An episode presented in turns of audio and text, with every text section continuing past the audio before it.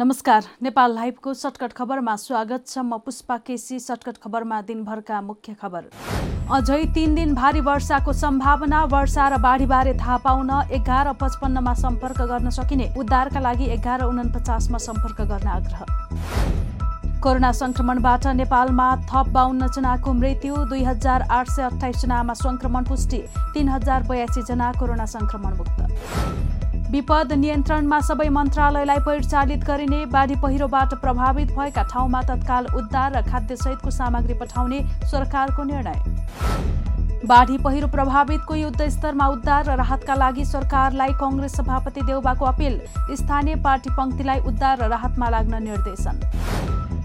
गण्डकी प्रदेशका मुख्यमन्त्री कृष्णचन्द्र नेपाली पोखरेलले असार चार गते विश्वासको मत लिने विश्वासको मत लिएपछि मात्रै बजेटमाथि छलफल हुने।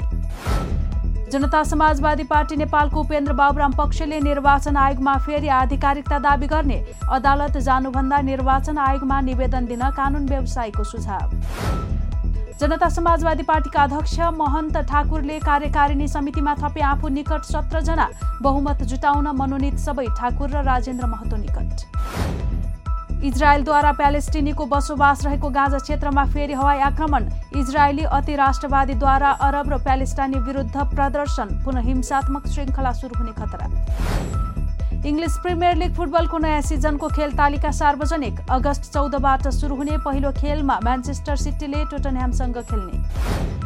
र युरोकप फुटबलमा हङ्गेरीलाई हराउँदै पोर्चुगलको शानदार सुरुवात। रोनाल्डोले बनाए युरोकपमा सर्वाधिक गोल गर्ने खेलाडीको कीर्तिमान। अर्को खेलमा जर्मनीको उपहार गोलमा फ्रान्सको जित नेपाल लाइभको सर्टकट खबरमा दिनभरका मुख्य खबर आजलाई यति नै। नमस्कार।